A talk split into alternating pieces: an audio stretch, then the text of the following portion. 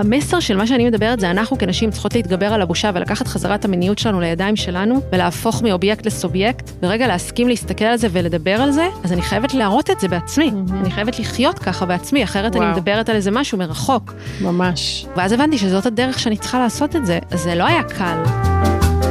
שלום שלום, ברוכות הבאות וברוכים הבאים לג'וסי טוק, הפודקאסט שמביא את הסיפורים העסיסיים מאחורי פרסונות, שהם או הן מותגים אנושיים כדי שנוכל ללמוד, להתמלא בהשראה ואולי גם ליישם כמה מהטיפים שלהם בחיים שלנו. אני ריי שגב, יוצרת תוכן, יזמת, דוגמנית ומרצה. המוטו שלי הוא be your own role model. בתחילת דרכי אי שם ב-2009, כשלא היו מודלים לחיקוי ללמוד מהם, החלטתי להפוך לרול מודל בעצמי ויצאתי למסע מרתק בעולמות האקטיביזם, היזמות והאימפקט. בעיניי להיות רול מודל זה אקט חשוב גם אישית וגם חברתית, ואני שמחה שיש לי את הזכות לארח כאן בפודקאסט אנשים שמתווים דרך בעולמות שונים ולהציץ אל מאחורי הקלעים של העשייה שלהם. על הסאונד והעריכה, זק אביעד. תודה שאתם ואתן כאן, ואם אתן אוהבות ואתם אוהבים את הפודקאסט, תעזרו לי להפיץ את הבשורה, תעקבו, תשתפו ותדרגו אותנו, ויאללה, בואו נתחיל. היום אני מתארחת בביתה של אה, נרקיס אלון בגעש, ואני מאוד זה מתרגשת. כיף, כיף שאת פה. כיף לנו. נרקיס, את יזמת חברתית, את סופרת, את יוצרת תוכן, את מנחה, את עוסקת בקשר שבין יחסים, הגשמה, חיבור לגוף, דרך המון שיח uh, סביב מנהיגות, עשייה חברתית, הפצת הטוב בעולם. הקדשת לנושא הזה מסע אישי מסעיר שכתבת עליו בספר הביקורים שלך שהפך לרב-מכר, אישה חיה, שסיימתי להאזין לו אתמול, ואני עדיין באורות, אני עדיין לא יודעת מה, מה אני כיף. מרגישה, אני רוצה שוב להאזין לכולו. אה, יש לך את W, שזה, שזו קהילה, מיזם, איך את קוראת לזה, קהילה או מיזם? אה, זה היום קהילה, האמת שזה אגודה שיתופית, אבל אה, mm, כן, זו רשת של נשים יזמיות מכל העולם שתומכות אחת בשנייה. אה, את מנחה סדנאות על מנהיגות אה, נשית וחיבור אה, גוף ונפש בארגונים עסקיים ומוסדות אקדמיים בארץ ובעולם. ויש לך את הפודקאסט, משחקות באש, ונושא מיניות בריאה שהוקם בשיתוף עיתון הארץ, שזה די מטורף. העונה הראשונה, כן, את העונה הראשונה עשיתי... אה, והעונה השנייה לא? את העונה השנייה אני עושה עצמאית, כן. באמת? כן. טוב, אז נדבר על זה עוד מעט. כן. ואת מנהלת קהילה גדולה, גדולה בפייסבוק הנושאת את אותו שם. מה עוד? טייטלים. אני אימא, אני אימא של אבי ואגם, שזה הפרס הכי גדול. הכי חשוב. כן. אז בואי, אה, רק אה, נגיד שאת, אה, יש לך את כל הצ'קליסט הזה של פורס, רשימת ה-30 המצליחים, 30 מתחת. כן, עוד שאני חייבת להגיד שאני בת 34, כן? אז אני כבר ממש לא כן, מתחת ל-30. כן, את כבר לא שם, אבל תשמעי, נו, זה רשימות כאלה של כן. לידרים ומנהיגים וכל הרשימות האלה ש... שכולנו כן, כל כך רוצים. כן, סתם זה אה, מצחיק, כי זה כמו שתגידי, את נבחרת למועצת התלמידים, מבינה מה אני אומרת? כן, כזה... את כבר לא שם, כן, כבר לא שם. כן. אבל זה באמת מעניין, ואני אדבר איתך גם, מאוד מאוד מעניין אותי המסע שעברת, כי אני גם עוברת מסע בעצמי, והמאזינות והמאזינים כן, פה כולנו. שותפים למסע הזה. אה, אז אה, ממש ממש כיף לי לדבר איתך על זה. אני גם, אני ממש שמחה שהאזנת לספר, זה מרגש אותי. וואו, הספר הזה הוא קודם כל מהפכני. אה, יש בו את הסיפור האישי שלך ושל אלון, הבן זוג שלך, אה, ובאמצעות באמצעות ההתנסויות והמסע שלך, את בעצם אה, מעלה מודעות לנושא שהוא אולי הנושא הכי מודחק בחברה שלנו. מיניות. מיניות. אז כן, אז זה ממש פתח לי את הראש, ווואו, אנחנו נדבר הרבה על הדבר הזה. תמיד אומרים לי שאני אמיצה. Mm. מכירה את זה? כן.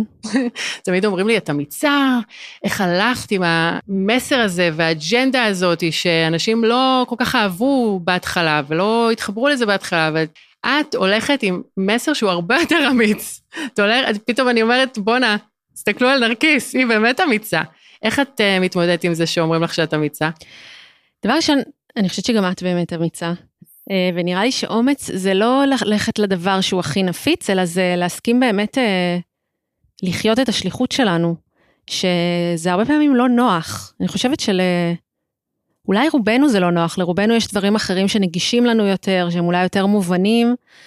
אה, ואני חושבת שבן אדם שהולך על זה, גם בן אדם, את יודעת, שמסכים ללכת, ויש לי חבר שהסכים ללכת ולהיות אה, נגר, שהוא ידע שזה מה שהוא באמת רוצה, ועד שזה משהו שהפך להיות מצליח כלכלית לקח שנים.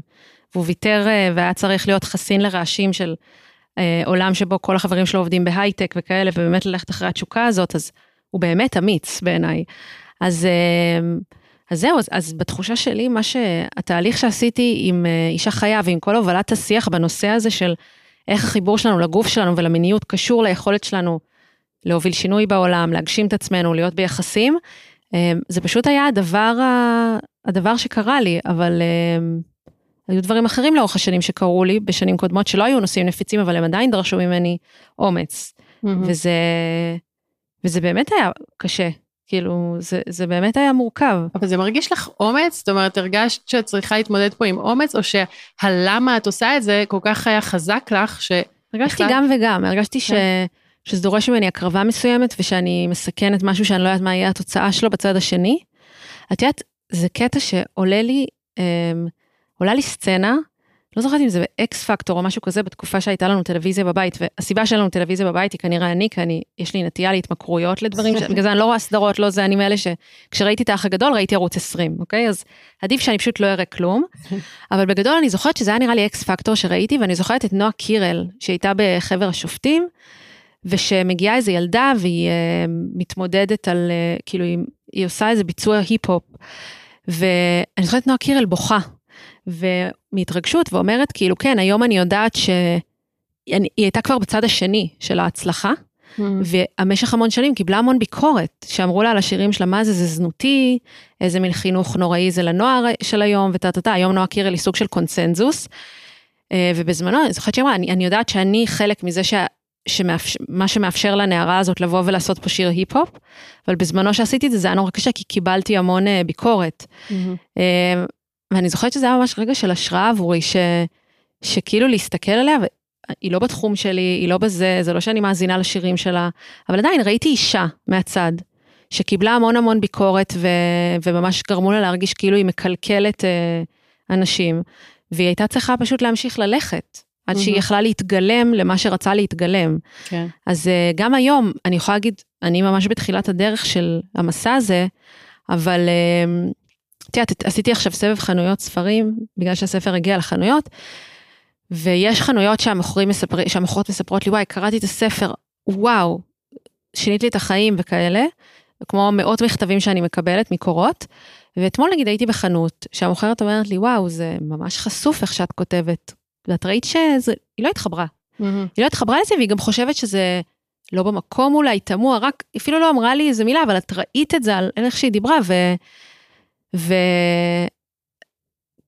כן, אין מה לעשות, זאת הדרך שבה הייתי צריכה לעשות את זה. זה לא היה הדבר הנוח, אבל אני יודעת שאם הייתי כותבת ספר, הספר מדבר למי שלא מכירה, שיכול להיות שזה אה, הרבה מהמאזינות, הוא מספר בעצם על התהליך שאני עברתי כדי להצליח לקיים יחסי מין ולהיות באינטימיות עם הבן זוג שלי בלי שאני אסבול. כי mm-hmm. הבנתי בשלב מסוים בחיים שאני מאוד סובלת מאינטימיות, אה, ושבעצם אה, כמעט תמיד כואב לי במעשה אהבה. אה, ופשוט אני זורמת עם זה, כי אני חושבת שזה מה שצריך, ובאיזשהו שלב אני מבינה, אה, רגע, אולי לא, ואני מספרת שם על התהליך שאני ובעלי עוברים בצורה מאוד מאוד חשופה, ואיך התהליך הזה השפיע לי אחר כך על הקריירה, על יחסים, על למה מה שקורה לנו בחדר מיטות משפיע על מה שקורה בחדר ישיבות. Okay. כן. ובשלב שכתבתי את הסיפור אני הבנתי, וזה אחרי שעבדתי עם מאות נשים וראיתי שהסיפור שלי הוא קולקטיבי והוא לא רק שלי אישית, אלא הוא גם הרבה מאוד, מה שהרבה מאוד נשים עוברות בעולם, והוא קשור גם לזה שיש לנו איזה דימוי גוף מסוים שאנחנו חושבות שזה מתקשר לעשייה שלך, ו... ואז אנחנו מצמצמות עצמנו גם במרחבים אחרים של קריירה והגשמה.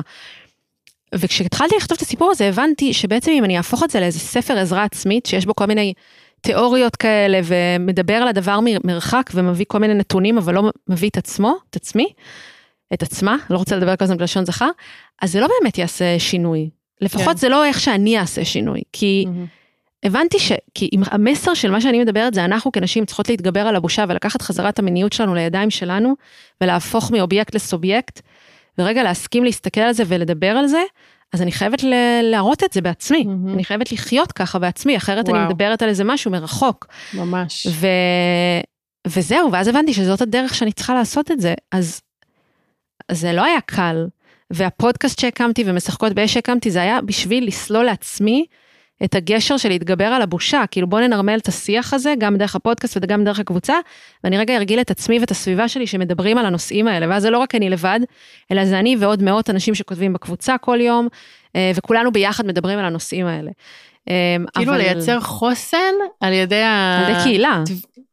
כן, אבל אה, את, את זורקת את עצמך לתוך האש. זה לזרוק את עצמי, את עצמי לתוך אש, אבל חשוב לי לציין שאני לא עשיתי את זה במקום של יאללה, על ה... סליחה על השפה, אבל על הזין שלי, על הפוט שלי, אה, ואני עכשיו עושה פרובוקציה, ממש לא. לא באתי לעשות פרובוקציה, אני עשיתי את הדברים בצורה מאוד מאוד מחושבת, הספר מאוד, למרות שהוא לא נראה ככה, הוא מאוד מצונזר, זאת אומרת, מה שרואים, למרות שזה מאוד חשוף, זה אחרי צנזורה, וואו. גם של אלון, הבן זוג שלי כמובן, שמאוד נחשף שם. כל ו- הזמן חשבתי עליו. כן, ב- הכל עבר את האישור שלו, הרבה דברים ירדו גם בגללו, בזכותו. אמ, וגם אה, כאילו כל מה שקרה במשחקות באש זה היה, אוקיי, אנחנו מביאים את המסר הזה עכשיו לא בצורה, הספר הזה הוא לא, המטרה שלו לא פורנוגרפיה, מהמם. וזה לא הקטע. כאילו יש פה מאוד, אנחנו חולקות דרך במקום הזה. איזשהו מקום של בואו נשנה את התודעה שלנו, את התפיסה שלנו לגבי מיניות והמקום של מיניות כן. בחיים שלנו ועל מה מותר לדבר. הייתה תקופה ארוכה שחשבת שאת היחידה שמרגישה ככה, נכון? כן, בעצם, אמ, לא יודעת אם חשבתי שאני היחידה שמרגישה ככה, כי היה לי ברור שאני לא היחידה, אבל כן בקבוצת חברות שלי, בגלל שאף פעם לא הייתה ממש שיחה כנה בזמנו על הנושאים האלה, ותמיד כשהיינו מדברות על מין זה היה מאוד כזה עם צחוקים, אז הרגשתי שאני היחידה שיש לה אתגרים בקבוצה שלי. מהמם. הרגשתי שכולם איכשהו בקלילות כזאת יוצאות עם ההוא, אחר כך ביחסים עם ההוא, ולי ממש לא היה קל. וזאת הייתה אמת, או שככה הם הציגו את זה? בזמן, בדיעבד, אחרי כמה שנים, גיליתי ש...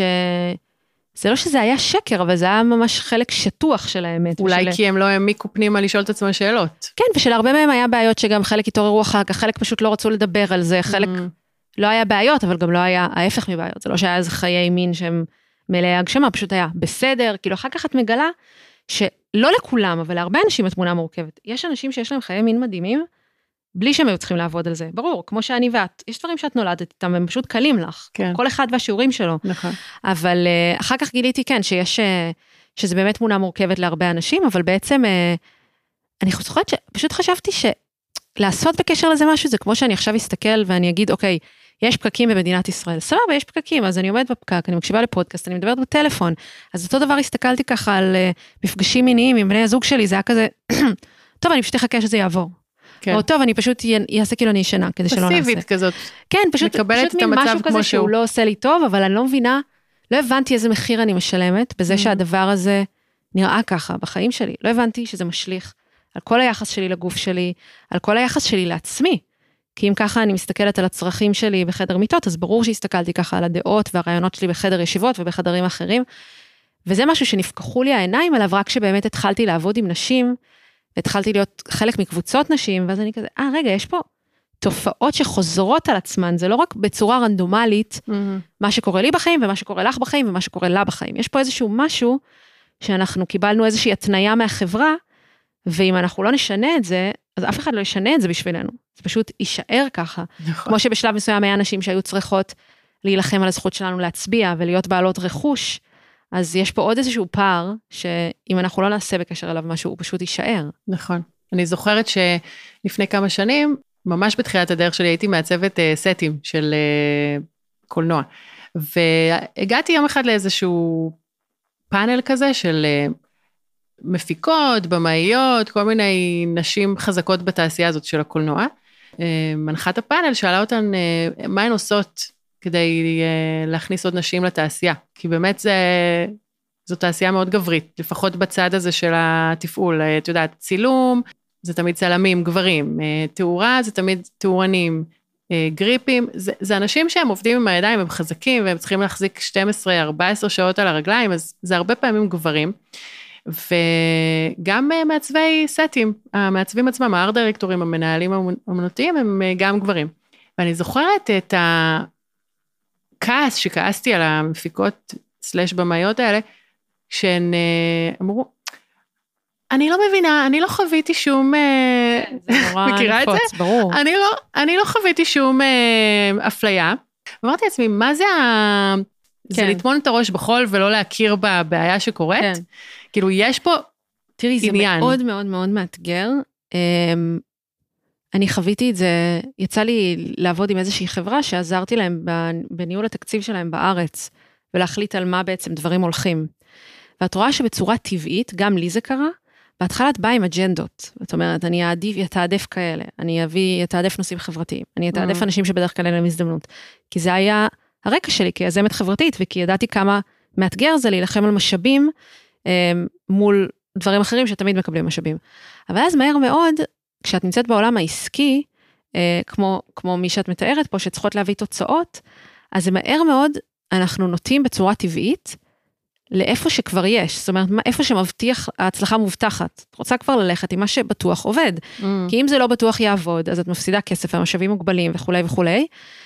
אה, אז אני ממש מרגישה שזה דורש ללכת נגד כוח הכבידה, כדי ממש. לעשות את השינויים האלה. וגם, אני חושבת שאפשר לעשות אותם באחוז מסוים, זאת אומרת, אלא אם את עכשיו, כל העסק שלך הוא ממש עמותה, שאת אומרת, אני עכשיו בונה עסק שכל התכלית שלו, ואני נמדדת על ידי זה, שאני נותנת uh, תעסוקה לסתם לדוגמה אנשים עם מוגבלויות, אוקיי? Mm-hmm. אבל אם את לא ממש בנויה ככה, ולא כל המערכת שלך בנויה ככה, אז את יכולה לעשות את זה רק על אחוז מסוים מהפעילות שלך. אחוז מסוים מהפעילות את יכולה להגיד, אני עכשיו מתעדפת אנשים שלאו דווקא הביאו את התוצאות הכי טובות, לפי, אני עושה אפליה מתקנת, mm-hmm. אוקיי? אחרת בכל השאר את חייבת להיות לפי, ה, לפי מה שמביא את התוצאות, בגלל שכרגע אנחנו פועלים ב...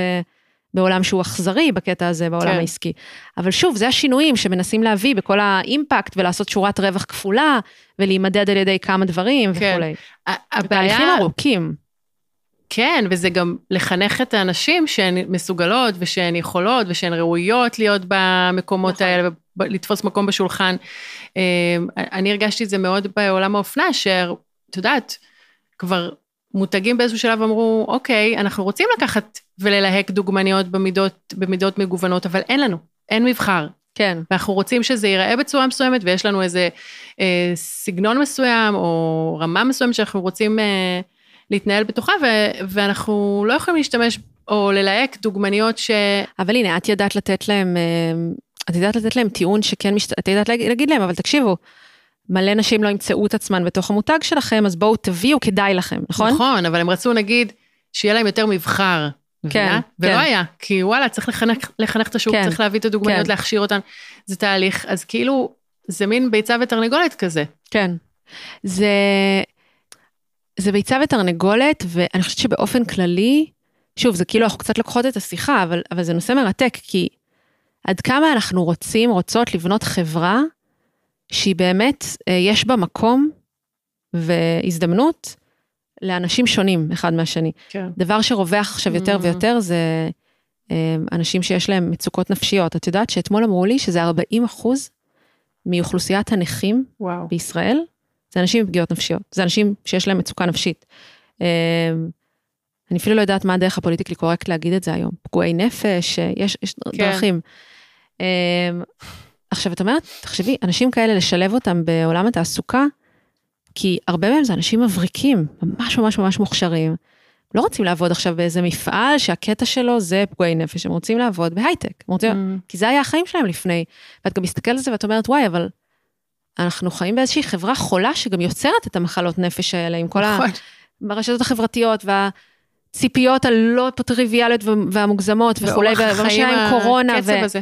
זאת אומרת, אז, אז מה יהיה? אז, אז, אז יהיה עולם שבו בעצם, אה, לא יודעת, חצי מהאוכלוסייה באיזשהו שלב לא, לא תהיה כשירה לעבוד? איפה אנחנו?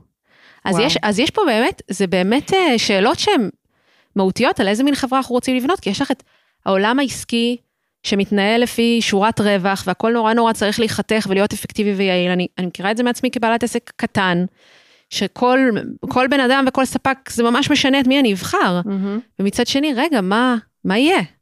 אז זה ממש שאלות קיומיות בעיניי. ממש. אבל הכי, את יודעת, כן, הלכנו, נזרקנו, נזרקנו מנושא, כן. זה פודקאסט על מיתוג אישי. אוקיי, אז נחזור למיתוג אישי. בוא נחזור לזה. נחזור רק להתרכז בעצמנו ובלי קשר לחברה, למתג את עצמנו, לקדם את עצמנו, כן, סתם. כן, לא, דיברנו על זה כן. שאת אמיצה, ושלקחת את השליחות הזאת להיות אקטיבית ולעזור לנשים אחרות להיות אקטיביות בעולם. אה, וכשאנחנו צוללות אה, פנימה לסיפורים ולדרך של כל אחת ואחד מאיתנו, אנחנו רואים שמדובר בעצם באיך שאנחנו מציגות את עצמה, עצמנו לעולם. ואת הלכת עם איזושהי, עם איזשהם ערכים ואמת מסוימת, שהיא קשורה באמת לחיבור לגוף, למיניות, וזה המיתוג שלך היום, נכון?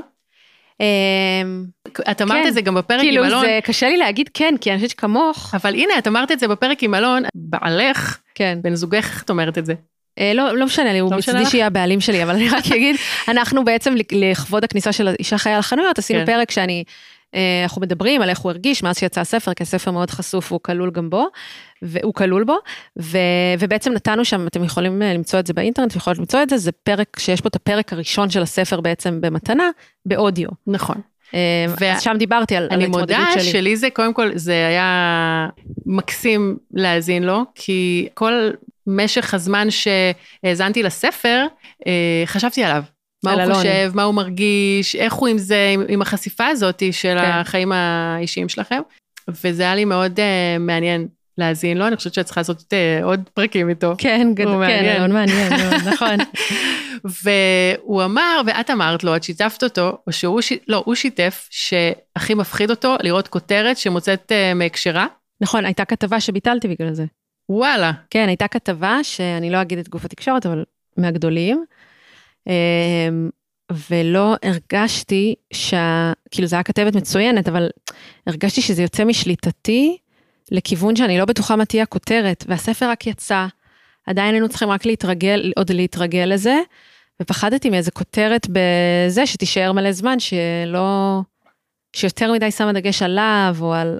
את יודעת, על החלק הזה של הסיפור. נכון, ו- ואת אמרת שרוב uh, החיפושים בגוגל היום, התוצאות של חיפושים בגוגל עלייך היום, קשורים למיניות באיזשהו אופן, וזה הפך להיות המיתוג שלך בעצם, זה מה שאנשים אולי יודעים אז עלייך תראי, היום. זה קטע, כי זה מורכב, בגלל שאם היית שואלת אותי עכשיו מה הייתי רוצה שיהיה המיתוג שלי, אם אני בוחרת, מהמם. ובמקומות מסוימים זה המיתוג שלי, אז הייתי רוצה שהמיתוג שלי, אני הולכת להגיד משהו מאוד לא סקסי, אבל אני רגע אומרת משהו כדי שתבינו למה אני מתכוונת, יהיה קשור למנהיגות נשית הוליסטית, זאת אומרת, אני מדברת על מנהיגות נשית שרלוונטית לממשלה, לחברות עסקיות, ליזמות חברתית, לנערות שהן גדלות ורוצות להוביל וכאלה, אבל זה הוליסטי, זאת אומרת, אני לא מדברת רק על הקמת עסק או על הצדדים האלה שבזה, אני מדברת גם על החיבור שלך לגוף, על התקשורת שלך, על היחסים שלך עם אנשים אחרים וכולי.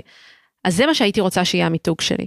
עכשיו, חלק גדול ממה שאני מביאה, זה הקשר הזה של החיבור שלנו לגוף. וזה גם החלק היותר יוצא דופן, והחלק היותר אה, צהוב, אפשר לומר. כן, ואז באמת, הפודקאסט שלי, את יכולה לקבל שם כל מיני תוצאות, שהם דברים מאוד מאוד, אה, את יודעת, פתאום על, על אוננות, כל מיני דברים כאלה, כן, שאנחנו שמות אותם ב spotlight, שוב, בצורה בעיניי מאוד מעמיקה, ו, וזה לא סתם בקטע פורנוגרפי. מאוד מקצועי. כן, זה לא עכשיו מקצועי. סתם בקטע פורנוגרפי, אבל, אבל כן, ואז יכול להיות בן אדם שעושה גוגל, ו, וזה מה שהוא רואה, זה אחד הדברים שהוא רואה. אה, וזה כל הזמן המתח הזה שאני צריכה להוביל, כי מצד אחד, כן, אני לא רוצה להיות עוד קול בהעצמה נשית שמדבר על זה בלי, בלי הנושא הזה, ומצד שני, כן, יש לזה... אני חושבת, אבל את יודעת משהו? אני חושבת שכמה שאני יותר אעשה עם זה שלום, ולא אנסה להסתיר את זה, ככה יותר ההשפעה שלי בנושא תהיה גדולה. נכון, את אה, יותר ו- חופשייה גם. זה התהליך שלי, אבל זה לא רק בקטע של חופשייה, זה גם באמת לדעתי יהיה יותר אפקטיבי, מבינה? במקום לנסות ה- ללכת פה מסביב, שם מסביב, כאן להתאים את זה, פשוט להביא את הדבר, ובכל ה... בכל משהו, במלוא הדרתו, אז אה, זה יאפשר לי יותר להשפיע, אבל זה עדיין תהליך שאני עוברת, זה. כל הדבר הזה הוא הבשלה, הבשלה שעדיין קורית. יש לך לפעמים אה, כזה מה יגידו ואיך אה, איך- כן, מה ברור. יחשבו. עכשיו, ל- ל- לא מזמן דיברה איתי חברה מאוד גדולה שרצתה שאני אעשה איתם איזה תהליך. למרות שאני כבר פחות עושה ייעוץ, אבל אם מגיע אליי, מגיע, כשמגיעות אליי הזדמנויות שמאוד מעניינות אותי, אז אני אומרת לזה כן. וזה היה משהו שמאוד עניין אותי.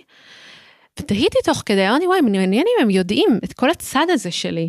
עכשיו, זה לא איזה משהו לצאת איתו מהארון מצד אחד, וזה לא, מס- כאילו, כל האתר שלי עם זה, ו... אבל פשוט תהיתי, כי זה לא היה קשור בצורה ישירה למה שהם ביקשו ממני. Mm. אז, אה, אז כן, יש לי שם עדיין דרך, יש לי שם כן. עדיין דרך. וואו, את יודעת שזה ממש אה, בלט לי כשחיפשתי לאיזה רגע וחצי עבודה בהייטק, אז אמרתי, רגע, אבל אני מצטלמת בבגד ים ובהלבשה תחתונה, ואני כזה נורא בלוגרית כזה, זה לא יפריע לי במיתוג שלי מול אה, זה הייטק? דווקא בהייטק אוכלים הכל. באמת? בעיניי כן, כאילו תלוי איזה זה חברות לא הייטק. ביזנס כזה, תלוי זה איזה לא... חברות הייטק, אבל דווקא שם, הם בעצם מייצגים את המקום הכי מתקדם של... אה,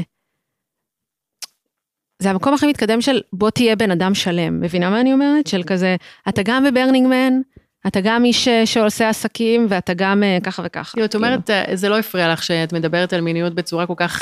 כאילו. בעולם. הזה בכלל לא.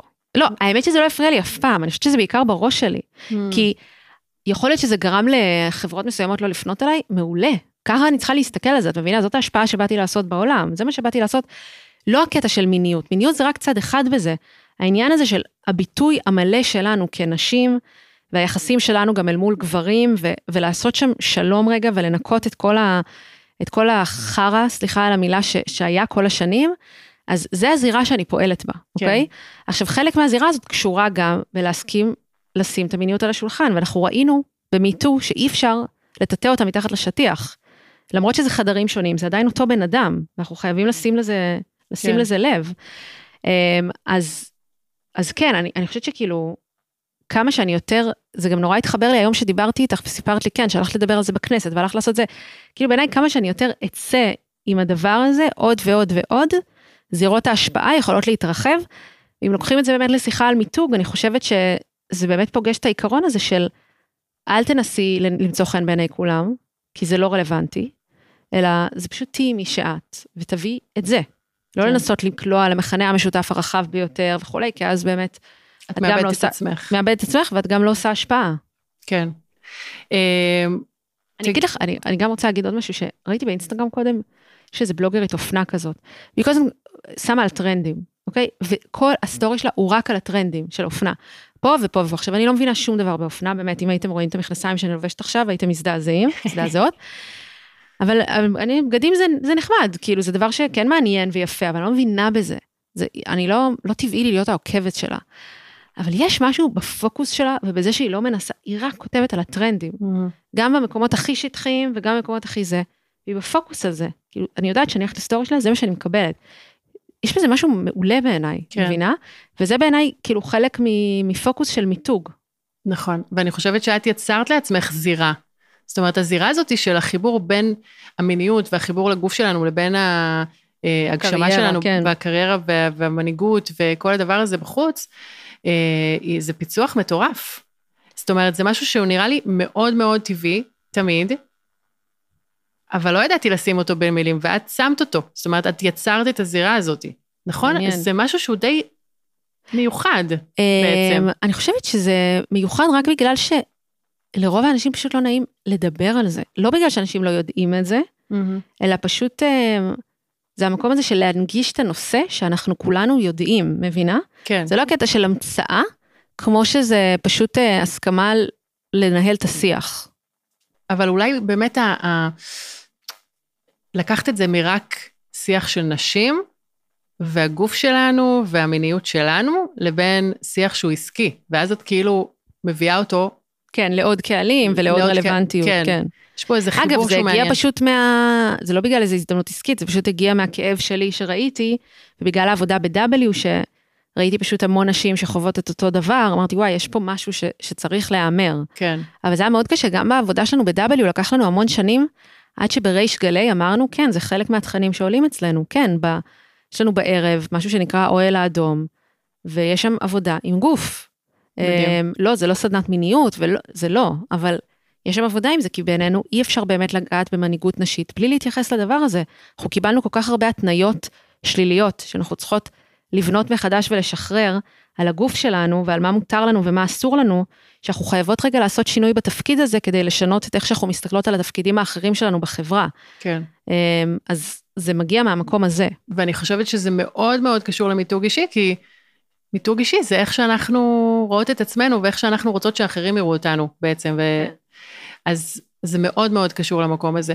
וכאילו יש משהו, ב, אפילו בשם הזה, האוהל האדום, שהוא מרגיש קצת רוחניקי כזה, נכון? כאילו משהו כזה ניו אייג'י כזה, ואת לא, את באה ומכניסה את זה ואת אומרת, זה, זה לגיטימי לדבר על זה גם בהקשר של עסקים. יש פה, יש פה איזה חיבור שבעיניי הוא מאוד מאוד חדשני ומעניין. אגב, אני חושבת שזה רלוונטי מאוד גם למה שאת עושה ב role models, בגלל שבסוף אנחנו מדברות על הביטוי שלנו בעולם, אוקיי? Mm-hmm. ומה שאני אומרת זה שהביטוי שלנו בעולם, בין אם זה להסכים להביא את המתנה שלנו, להסכים לקבל על המתנה שלנו כסף, להסכים להסתכל על הצרכים של הגוף שלי ולבקש שיכירו גם בהם, אה, כל הדבר הזה זה חלק מהביטוי שלנו בעולם ומהחיים שאנחנו אה, יודעות וחושבות שמגיע לנו. אז אני פשוט אומרת, זירה אחת משפיעה על הזירה השנייה, שמשפיעה על הזירה השלישית וכן הלאה. זה מרתק, מרתק, מרתק, ועצירה קטנה להגיד, תעשו לעצמכם טובה ותקראו את הספר של נרקיס, אישה יש. חיה, באמת.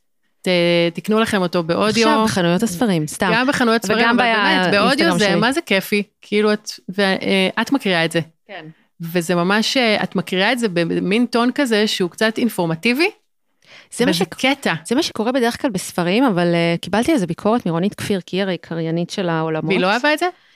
היא פשוט אמרה לי שאני צריכה לעבוד, היא, את יודעת, היא קריינית על. כן. את יודעת שהיא לדעתי המודעה של סלקום. כן, יש, יש מצב. אני די בטוחה. בקיצור, היא אמרה לי ש... שיש לי מה לעבוד על הקריינות שלי, אבל אה, אז, אז יש לאן להשתפר, אבל כן, קיבלתי פידבקים מעולים על הספר. אני מאוד אהבתי. תראי, תמיד אה, כדאי להקשיב אה, לרונית כפיר, בזכותה הכרנו. נכון, חד משמעית, היא אישה מדהימה. אישה מדהימה, והפרק הכי, הכי מושמע בפודקאסט שלי. מדהים. אז כן. רציתי לדבר איתך גם על טייטלים, שזה משהו שגם כתבת עליו בספר, ואת מתעסקת בו, וגם אני מתעסקת בו בשנה האחרונה, באמת, איך אנחנו מגדירות את, את הערך שלנו בעולם. איך היום את רואה את, את כל הנושא הזה של טייטלים? לא יודעת אם טייטלים, אבל כאילו הישגיות. כן. כי כשהגעתי לפה בבוקר, את אמרת שהייתה לך שיחה עם אלון על זה שאתם לא מספיקים, ואתם לא חיים את החיים שאתם באמת רוצים לחיות, נכון? איזה, איזשהו משהו כזה קצת מתוסכל. שאנחנו לא חיים את החיים שאנחנו רוצים לחיות, כמו שיש פער מאוד גדול בין הרצוי למצוי, באיפה שאנחנו ב... בקריירה. כל אחד כאילו, רגע, אני לא מצליח, לא מספיק לעשות כלום. וצריך להגיד שיש לכם שני ילדים קטנים. כן, כן. ועדיין, אפילו שבאמת שניכם מאוד מצליחים ב... בח... גם בקריירה שלכם, אתם עדיין מרגישים איזשהו תסכול על הפער הזה. כן, מעניין. שזה מחלה. כן. Um, תראי, יש לי כל מיני דברים להגיד, כי את שאלת פה, כזה התייחסת לכמה דברים. דבר ראשון, אני אגיד שכל מה שקשור לטייטלים, אני ממש מסתכלת על זה כאמצעי. זאת אומרת, אם עכשיו כדי לדבר בכנס הזה, או לעבוד עם הלקוח הזה, או להביא את השותף הזה בשביל פרויקט, זה שהייתי ברשימה כזאת או אחרת, או עבדתי עם חברה כזאת או אחרת, פותח לי דלת, מהמם. כמו כסף, שכסף זה בסוף אמצעי. Mm-hmm.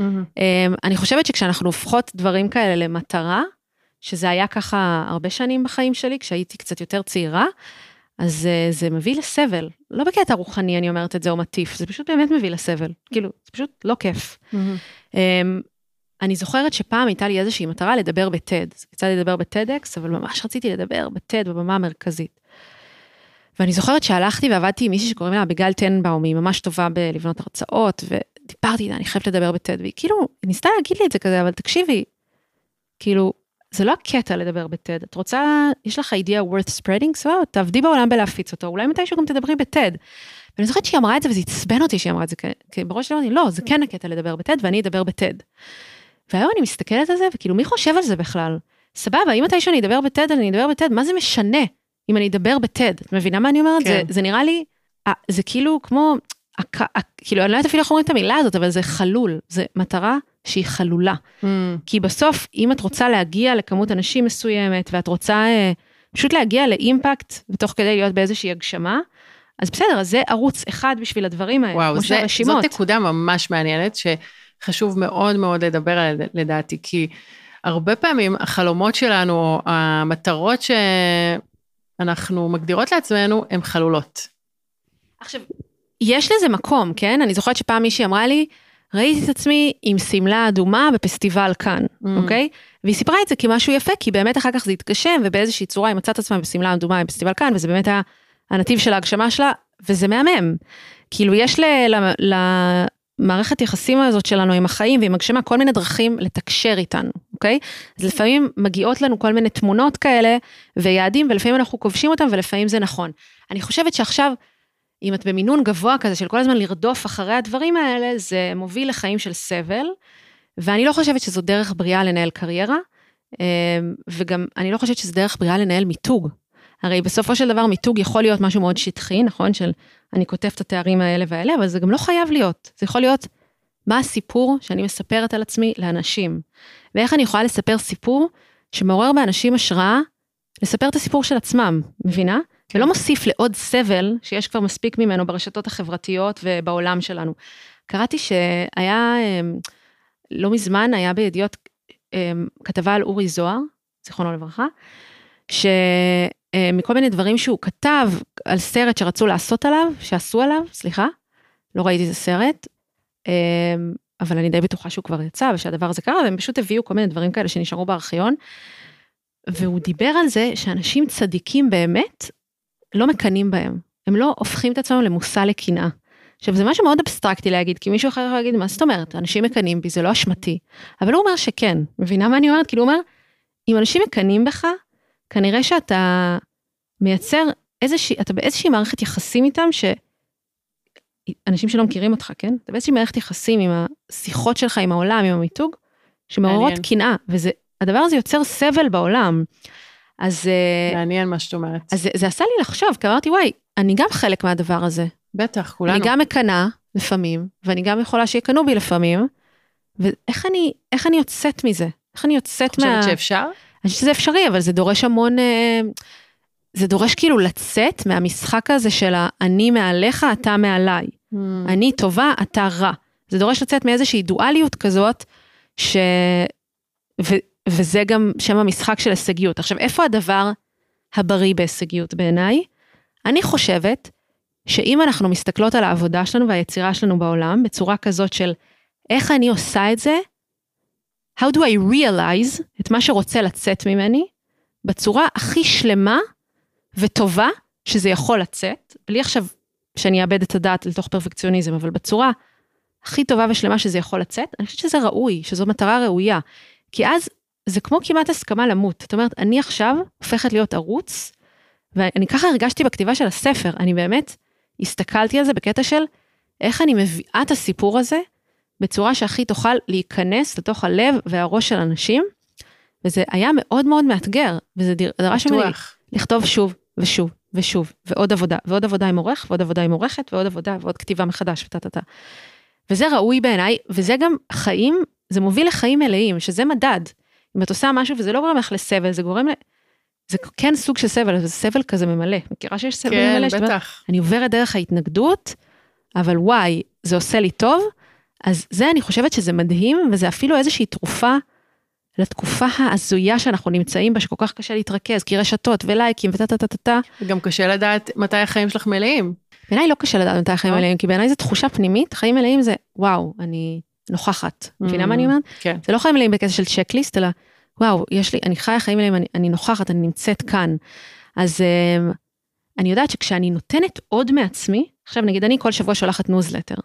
עכשיו זה זמן שלי עם עצמי. כל שבוע. כל שבוע, יום שישי בבוקר, וזה תענוג בשבילי, כי זה כתיבה. זה לא משהו עם אג'נדה שיווקית, כאילו. מהמם. שכל שבוע אני עושה את זה, ותמיד זה לפצח משהו בכתיבה, איך אני מביאה את זה, שזה יהיה קטע שנותן איזה משהו. אני לא יודעת מה אני הולכת לכתוב, אני לא יודעת מה הולך לקרות. ותמיד זה דורש ממני לחפור עוד בפנים, כדי שמשהו יגיע. התחושה הזאת של לחפור עוד בפנים לא מאפיינת את כל העבודה שלי וגם לא את רוב העבודה שלי, הרבה מהעבודה שלי היא מאוד טכנית. אני מחזירה טלפון לבן אדם ההוא, אני נותנת תשובה על זה, אני עורכת את זה, אני ככה וככה, כאילו מאוד טכני ומאוד כזה טק טק טק משימות. זה לא כיף. אבל המקומות האלה ביצירה שלנו שבהם אנחנו נדרשים להביא את העוד ולהביא משהו מעצמנו שאנחנו אומרים אין לי מושג איך אני הולך להביא את זה, אני חושבת שזה ראוי. וזה בעיניי הישגיות שהיא הישגיות בריאה, ואני אפילו חושבת שזה חלק מהסיבה שהגענו לכדור הארץ. כאילו, חלק זה הרוב אהבה, אוקיי? שאהבה, אני, אני חווה את זה נגיד עם הילדים שלי, עם בן זוג, עם חברים, עם זה, כל מיני כאלה, וחלק מזה זה להסכים ממש להתבטל בשביל להקדיש את עצמנו לעשייה ולהביא את המתנות שלנו לעולם, שזה mm. גם אקט מסוים של אהבה. כן. וזה בהכרח קורה ב- על ידי יצירה, נכון? אבל לא חייב להיות יצירה של משהו אומנותי. אני יכולה להסתכל על חברים שלי שמובילים חברות, או על אנשים שעובדים בתפקיד כלשהו, והם ממש מאבדים את עצמם בקטע טוב, אני אומרת, כאילו האגו נעלם ונאבד, לתוך איזושהי מתנה שרוצה להגיע דרכם. מעניין. אז הדבר הזה הוא, הוא בעיניי מהמם, ממש. אני עכשיו נמצאת באיזשהו מצב, יש לי איזשהו יעד עם הספר שלי בישראל, אמ, ואין לי מושג, כאילו, אני לא יכולה בצורה רגילה להגיע אליו. אני לא יכולה, זה לא יקרה. בצורה אורגנית יקרה משהו אחד, ובצורה שלא אורגנית יקרה משהו אחר. עכשיו, אני לא יודעת איך, אני בחיים לא עשיתי דברים מסחריים, אפילו רק לאחרונה התחלתי לעשות טיפה קידום ממומן פה ושם. תמיד דברים שעשיתי היו אורגניים, מפה לאוזן, מזה. ויש משהו בלהגיע ליעד הזה, אם אני מצליחה לעשות את זה בקטע של וואי, אני לא יודעת מה אני אעשה, אבל זה יגרום לי לעשות כל מיני דברים, כמו קידום ממומן פעם ראשונה, כל מיני דברים מחוץ לאזור הנוחות שלי, שאני חושבת שזו מתנה שתהליכים של מיתוג וקריירה מביאים אותנו, כי זה מאפשר לנו לגדול כבני אדם. כן. טוב, אחר כך תגידי לי מה היעד ונחשוב.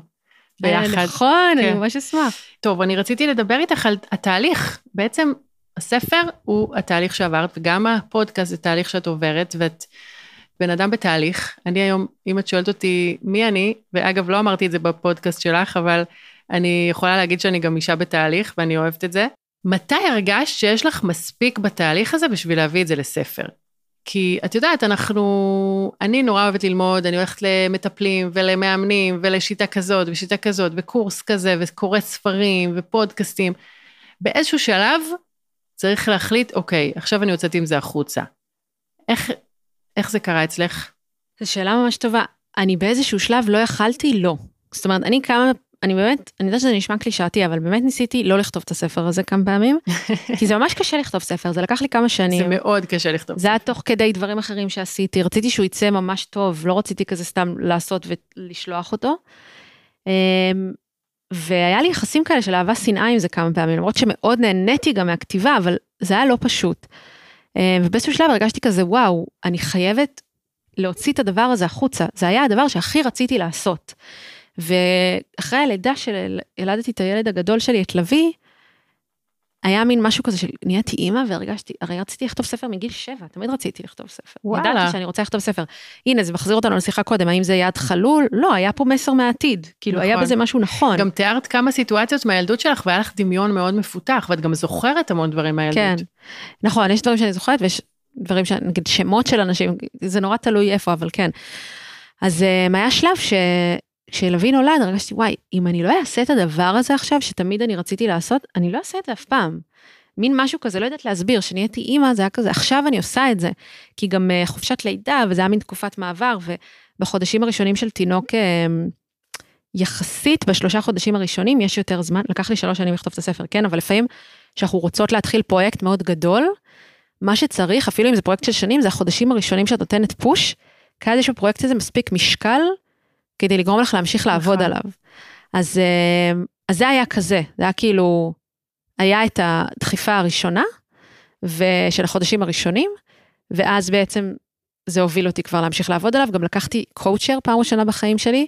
וואלה. כן, קוראים לו רוני ויינברגר, הוא מדהים, אני לא יודעת אם עדיין מקבל אה, מאומנים, מאומנות. מדהים שאת כל העשייה שלפני זה עשית לבד, בלי שום קואוצ'ר או... לא לבד, אה, בלי קואוצ'ר, אבל לא עשיתי לבד, כן, תמיד עשיתי עם אנשים. אבל האמת שזה היה הדבר הראשון שממש עשיתי לבד, הקטע של הספר, בגלל זה כל כך הייתי צריכה, כי גם כשיש לך mm. שותפים, זה גם דוחף אותך מאוד. ורוני ממש עבד איתי על הקטע הזה של אם אני אומרת שאני אעשה משהו, אין מצב שאני לא אעשה אותו, ואני לא הייתי כזאת. אמר לי, אם אמרת שאת תכתבי שעה, את חייבת לכתוב שעה. כאילו, אם את לא יכולה לסמוך על עצמך, על מי את יכולה לסמוך? וזהו, וביחד זה אפשר לי את הלהתחיל, וברגע שהתחלתי, אז ידעתי לסיים. מדהים. נפלת על קואוצ'ר טוב. כן, וואו, ממש. אז כן, אז אני, למה זה משהו ששאלתי את עצמי? כי באמת הספר מביא מסע מטורף של המון המון התנסויות ומחשבות, ואת זוכרת את כל חוויה גם שאת הולכת אליה לפרטי פרטים. את כתבת את זה באותו זמן או שזה... כן, הרבה מהדברים כתבתי באותו זמן, הייתי צריכה מאוד מאוד לעבוד עליהם כדי שהם יהיו כתובים טוב יותר, אבל אה, את כל 2018 נגיד בחיים שלי כמעט תיעדתי, למשל, mm. דוגמה. אה, יש לי תקופות מאוד ארוכות שאני פשוט מתעדת. ואז אה, זה מאוד מאוד עוזר, כי כאילו לכתוב כתיבה בסגנון הזה רק על זיכרונות זה מאוד קשה. אז הרבה מהדברים היו כתובים, והרבה, וחלק מהדברים הייתי צריכה לכתוב מחדש, וכמובן עריכות אינסופיות וזה. וואו, יש לי הרבה מה להגיד על הספר הזה, באמת, אני צריכה עוד, את יודעת, לעכל את זה. רציתי קצת לשאול אותך על הערכים שלך. אה, מה, מה מוביל אותך? אמ, דבר ראשון, ממש ממש חשובה לי המשפחה שלי. בעיניי, האנשים שהם במשפחה שלנו, יש סיבה שהם במשפחה שלנו ואנחנו אמורים לבלות זמן יחד. אז זה דבר חשוב לי מאוד. אה, חשובים לי, חשוב לי גם להיות חברה טובה, וקהילתיות זה דבר מאוד חשוב לי איפה שאני, גם איפה שאני גרה, גם של החברים שלי, הקהילות השונות בחיים שלי שאני חברה בהם או שאני הקמתי. אה, מאוד מאוד חשוב לי כנות. כנות וגם הסכמה כזאת, אה, את יודעת, הפגיעות הזאת, להסכים להיות אה, שבורים ביחד, להיות אחד בשביל השני. אה, ובאמת הקטע הזה של ביטוי. מדהים. Hmm. את חיה את זה. אני לא רואה פער, אני לא רואה את הפער.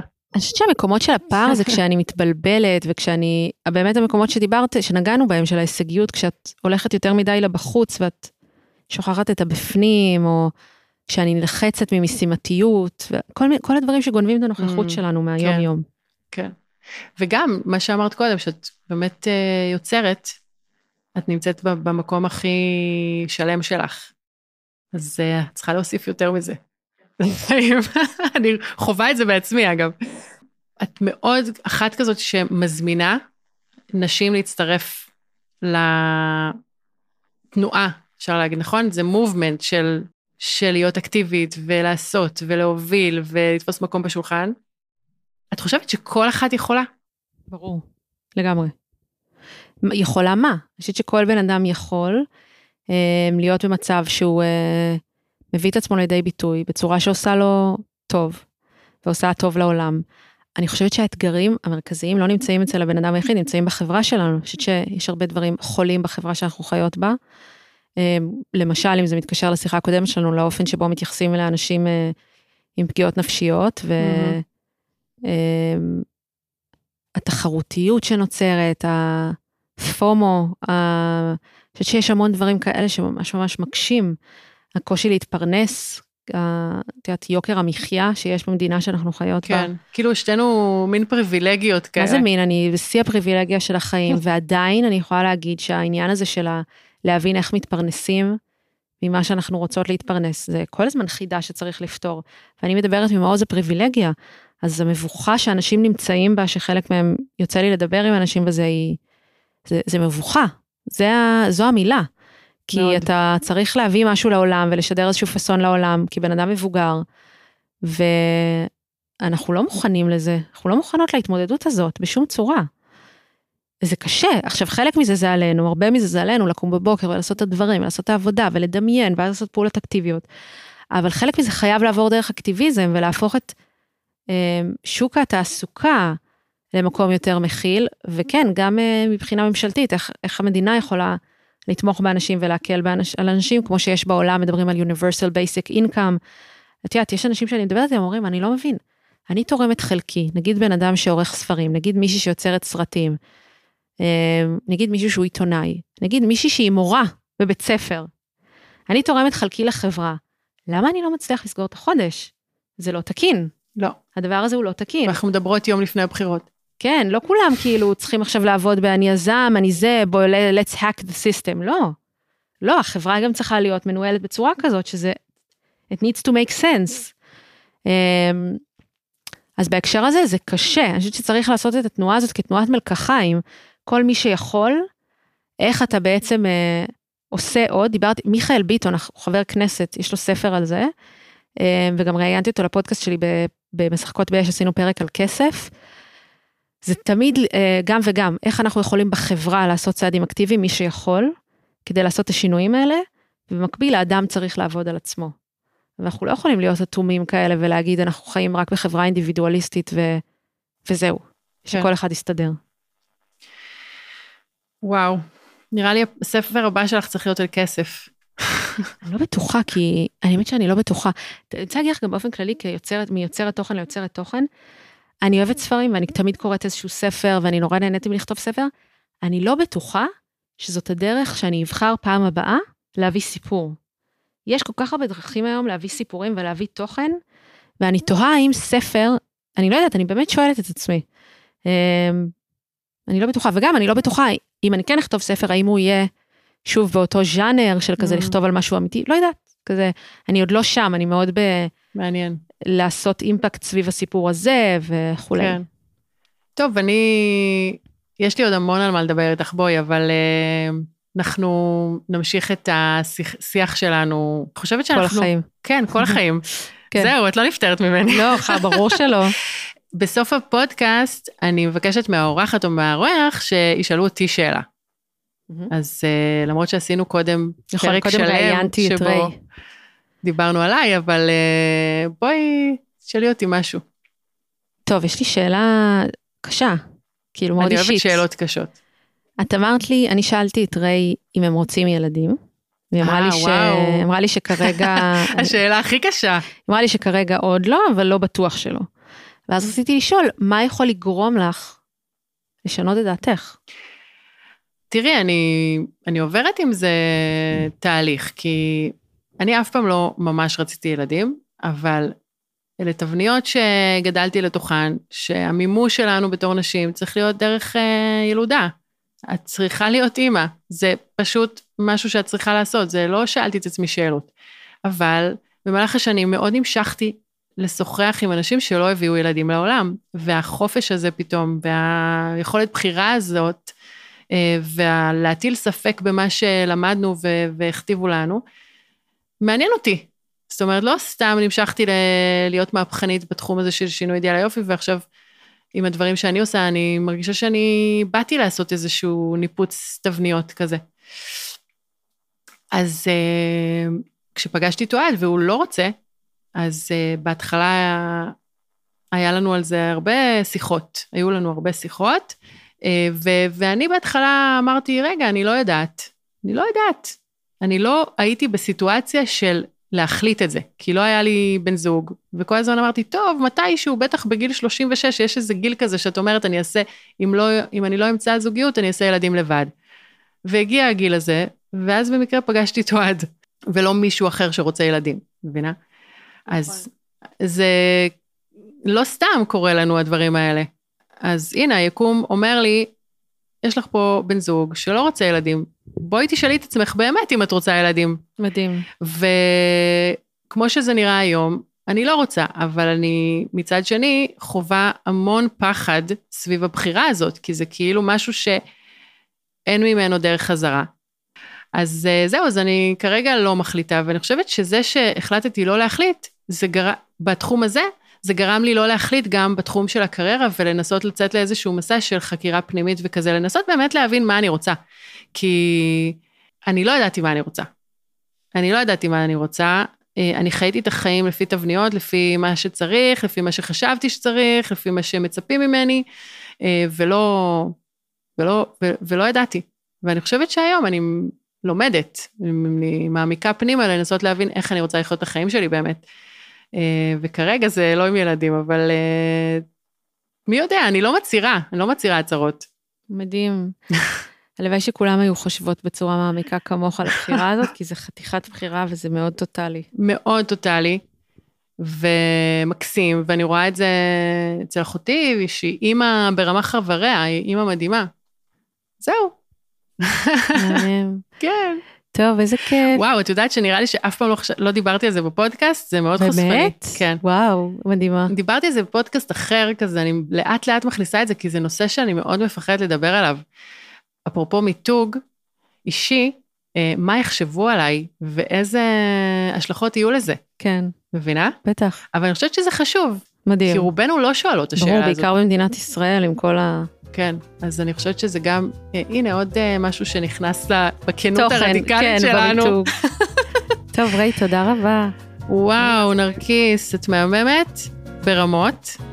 אה, אני מזמינה אתכן שוב לאתר של נרקיס, יש שם את הספר לרכישה, ספר פיזי, פיזי, דיג, ספר דיגיטלי, דיגיטלי ויש אודיו. ואודיו. והפיזי ממש מגיע עטוף במתנה, כמתנה נורא מיוחד, וגם כמובן אפשר בחנויות הספרים. מהמם. איפה עוד את רוצה שנחפש אותך? ב... יש את האינסטגרם, נרקיס אלון, ויש את משחקות באש. שזה תכלס ספריית תוכן כן. אינסופית. כן. זה בלתי עולם. נגמר. טוב, אז היה לי ממש ממש כיף, ואם אהבתם את הפרק, תשתפו חברות, תדרגו אותנו, ותעקבו אחרי הפודקאסט הזה. אני רוצה להגיד תודה לזאק אביעד, העורך והסאונדמן של הפודקאסט הזה, ויאללה, ניפגש בפרק הבא.